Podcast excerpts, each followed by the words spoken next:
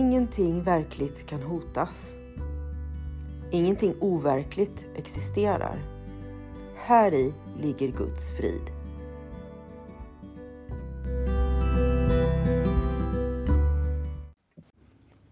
Mitt namn är Magdalena Wiklund och den här podden handlar om hur jag fann frid. Allting har sin grund i Helen Schuckmans uppenbarelser då Jesus dikterade det som sedan skulle bli boken en kurs i mirakler för henne. Jag kommer att referera både till kursen och till Bibeln eftersom Helen fick så mycket förklarat för sig av Jesus om hur vi egentligen bör tolka Bibeln. God morgon och välkomna tillbaka till en kurs i mirakler. Ja, vi kommer att börja med lektionerna idag, lektion nummer ett. Innan jag går in på den lektionen så tänkte jag börja med inledningen till arbetsboken. För att övningarna i den här arbetsboken ska bli meningsfulla är det nödvändigt med en teoretisk grund som den som textboken tillhandahåller.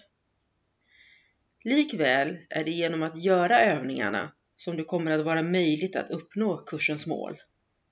Ett otränat sinne kan inte uppnå någonting. Syftet med den här arbetsboken är att öva ditt sinne i att tänka i enlighet med de riktlinjer som textboken lägger fram. Övningarna är mycket enkla. Det kräver inte särskilt mycket tid och det spelar ingen roll var du gör dem. Det behöver inga förberedelser. Övningstiden är ett år. Övningarna är numrerade från 1 till 365. Försök dig inte på att göra mer än en lektion per dag. Arbetsboken är indelad i två huvudindelningar. Den första handlar om att göra ogjort, det sätt som du nu ser på, och den andra om att tillägna dig sann varseblivning. Med undantag från repetitionsstunderna är varje dags övningar planerade runt en central tankegång som anges först. Denna följs av en beskrivning av det speciella tillvägagångssätt som dagens tankegång ska tillämpas på. Syftet med arbetsboken är att på ett systematiskt sätt öva ditt sinne så att du får en annorlunda varseblivning av allt och alla i världen. Övningarna är planerade på ett sådant sätt att det hjälper dig att generalisera lektionerna så att du kommer att förstå att varje lektion är lika användbar på allt och alla du ser. Överföringen av övningen i sann varseblivningen går inte till på samma sätt som världens överföring av övning. Om sann varseblivning har uppnåtts i samband med någon person, situation eller händelse är total överföring till allt och alla säker. Å andra sidan, gör ett enda undantag som undanhålls den sanna varseblivningen. Det är omöjligt att uppnå den någonstans. De enda generella regler som genomgående ska beaktas är således för det första att övningarna görs med stor noggrannhet på det sätt som anvisas. Detta kommer att hjälpa dig att generalisera de tankegångar det gäller till varje situation du befinner dig i och till allt och alla i den. För det andra, att du måste vara noga med att inte själv besluta att det finns vissa personer, situationer eller ting som tankegångarna inte går att tillämpa på. Detta kommer att störa överföringen av övningen. Det ligger i den sanna varseblivningens natur att den inte har några gränser. Den är motsatsen till det sätt du ser på nu.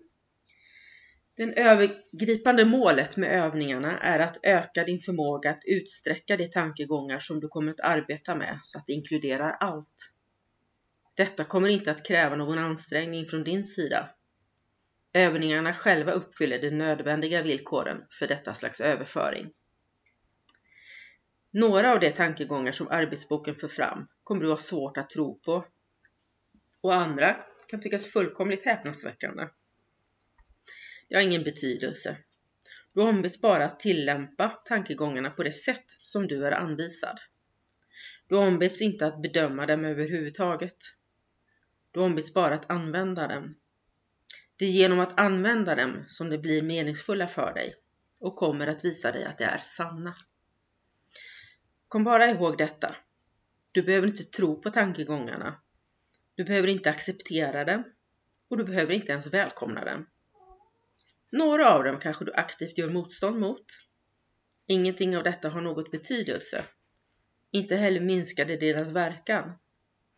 Men tillåt dig inte att göra undantag när du tillämpar tankegångarna som arbetsboken innehåller.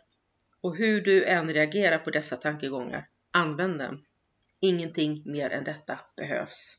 Så för mig så var de viktiga bitarna här att textboken bara är en teoretisk grund. Men det är övningarna som, som kommer att hjälpa mig att förändra någonting i mig själv. Och det är ju ganska lätt. Jag behöver bara göra, ska bara göra en övning om dagen. Att, att eh, jag behöver tänka på att de ska vara noga, precis så som det står att jag ska göra dem. Och att jag ska vara inkluderande, precis som vi pratade om i förordet av boken, av textboken. Så ska jag själv inte besluta att det finns vissa personer, situationer eller ting som tankegångarna inte går att tillämpa på.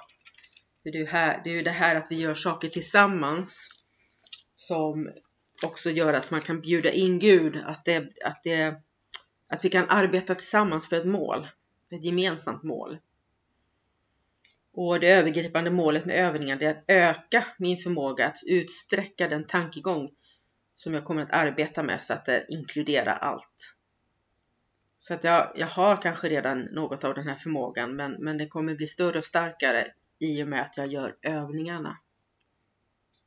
Då så, då går vi över till lektion nummer ett. Ingenting jag ser i det här rummet, på den här gatan, från det här fönstret, på den här platsen betyder någonting. Se dig nu långsamt omkring och öva dig att tillämpa den här tankegången mycket specifikt på allt du ser. Det här bordet betyder ingenting. Den här stolen betyder ingenting. Den här handen betyder ingenting. Den här foten betyder ingenting. Den här pennan betyder ingenting. Se sedan på det som finns lite längre bort och tillämpa tankegången på ett större område. Den där dörren betyder ingenting. Den där kroppen betyder ingenting. Den där lampan betyder ingenting. Det där tecknet betyder ingenting. Den där skuggan betyder ingenting. Lägg märke till att dessa uttalanden inte är ordnade i någon ordningsföljd. Och fäst inget avseende vid att det ting det tillämpas på är olika. Det är syftet med övningen. Uttalandet bör helt enkelt tillämpas på allt du ser. När du övar dagens tankegång, använd den då helt utan åtskillnad. Försök inte att tillämpa den på allt du ser, för dessa övningar bör inte förvandlas till någon slags ritual.